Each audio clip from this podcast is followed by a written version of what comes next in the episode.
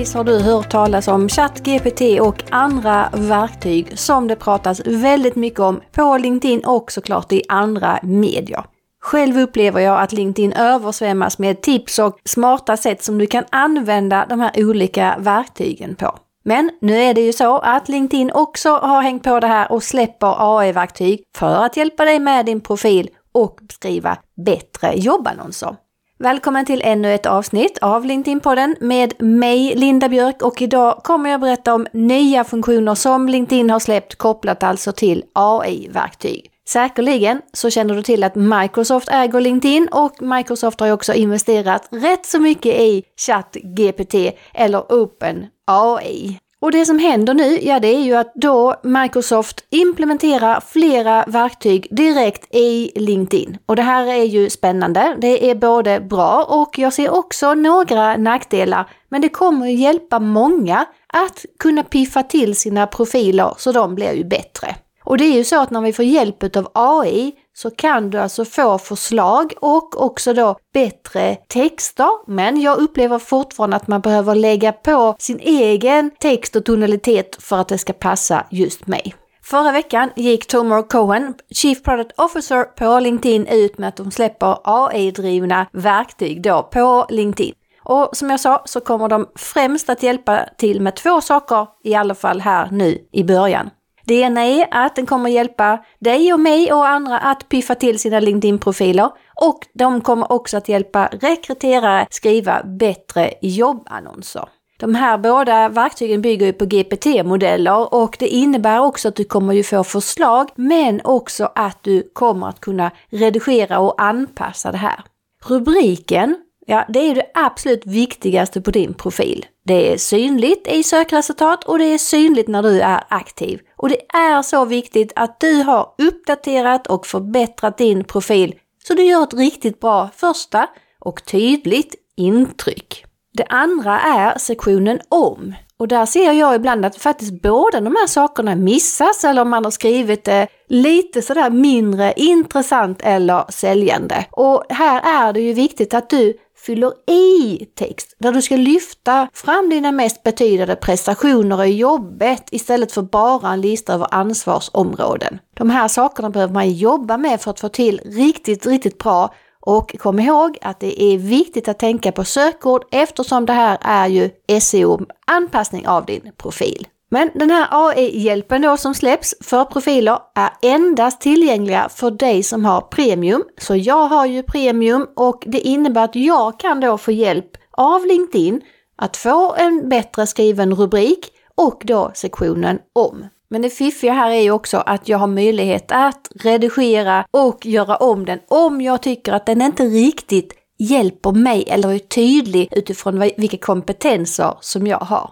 Och det innebär att både rubriken och sammanfattning, ja de är ju viktiga. Och med hjälp av AI så får du alltså hjälp att skriva den här och som jag då sa att du också kan redigera texten innan du lägger till den på din profil. Och när jag läste på inför det här avsnittet så säger LinkedIn så här att genom att du använder AI-verktyget för att skriva profilen då kan du bli mer synlig, att du kan sticka ut två gånger mer. Och det där är ju spännande. Men vad innebär det egentligen? Ja, det är ganska otydligt om det är så att LinkedIns algoritmer kommer att visa AI-baserade profiler oftare eller högre upp i sökningarna för att marknadsföra verktyget eller om det bara beror på att AI har justerats för att se till att din rubrik och din om är då bra tillsammans med SEO. Om vi då hoppar över på jobbannonser och arbetsbeskrivningar så kommer det funka på liknande sätt. Det innebär att du som rekryterare skriver ut en grundläggande information, inklusive jobbtitel och företagsnamn, och därefter kommer LinkedIns AI-verktyg att generera en arbetsbeskrivning och även här kan du granska och redigera den här.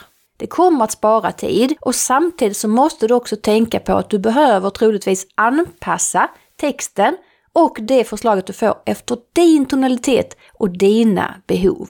Så förutom att du sparar tid så handlar det också om att hålla profilerna mer uppdaterade, att du som rekryterare kanske får fler kandidater som söker och jag i min profil blir också lättare att bli hittad. Men är det alltid bra, eller hur är det? Och frågan är, kommer jag ångra om jag säger det här nu? Ja, jag vet inte, vi får väl se. Jag har ju skrivit min profil själv och eh, då är ju syftet med att jag, när jag går in och tittar på din profil eller då en rekryterare eller en presumtiv kund, vill ju få sig en uppfattning om vem du är. Och är jag rekryterare, ja men då vill jag ju faktiskt se att du klarar av att skriva då och berätta om dina kompetenser och vad du har åstadkommit. Och därför är det ju viktigt att du skriver med din tonalitet så det inte blir en generisk tråkig text. För det tror jag, och igen får vi väl se om jag kommer ångra det här då, men det tror jag kommer att hjälpa istället för att hjälpa dig. Så visst, det kommer att spara tid, men se till att du verkligen är intressant och framförallt i både rubriken och i ombeskrivningen. Så väv in din tonalitet, din känsla och att du har sättet att skriva och formulera dig på så att det verkligen är din röst som kommer fram och gör det första bästa intrycket. En annan fundering som jag också fick det var det här, kommer det att framgå att din profil är skriven av eller med hjälp av AI? Och svaret är nej, som det är i dagsläget. Och det där är lite konstigt för att idag pratar man ju mycket om AI och om man får och inte får använda det och på vilket sätt man får lov att göra det.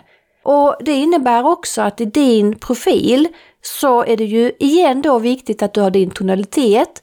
Men tänk så här, om du är någon annanstans, vi tar exempelvis Tinder, och du eh, hittar en person där och du ser att den profilen är någon helt annan, det vill säga det blir en helt total missmatch.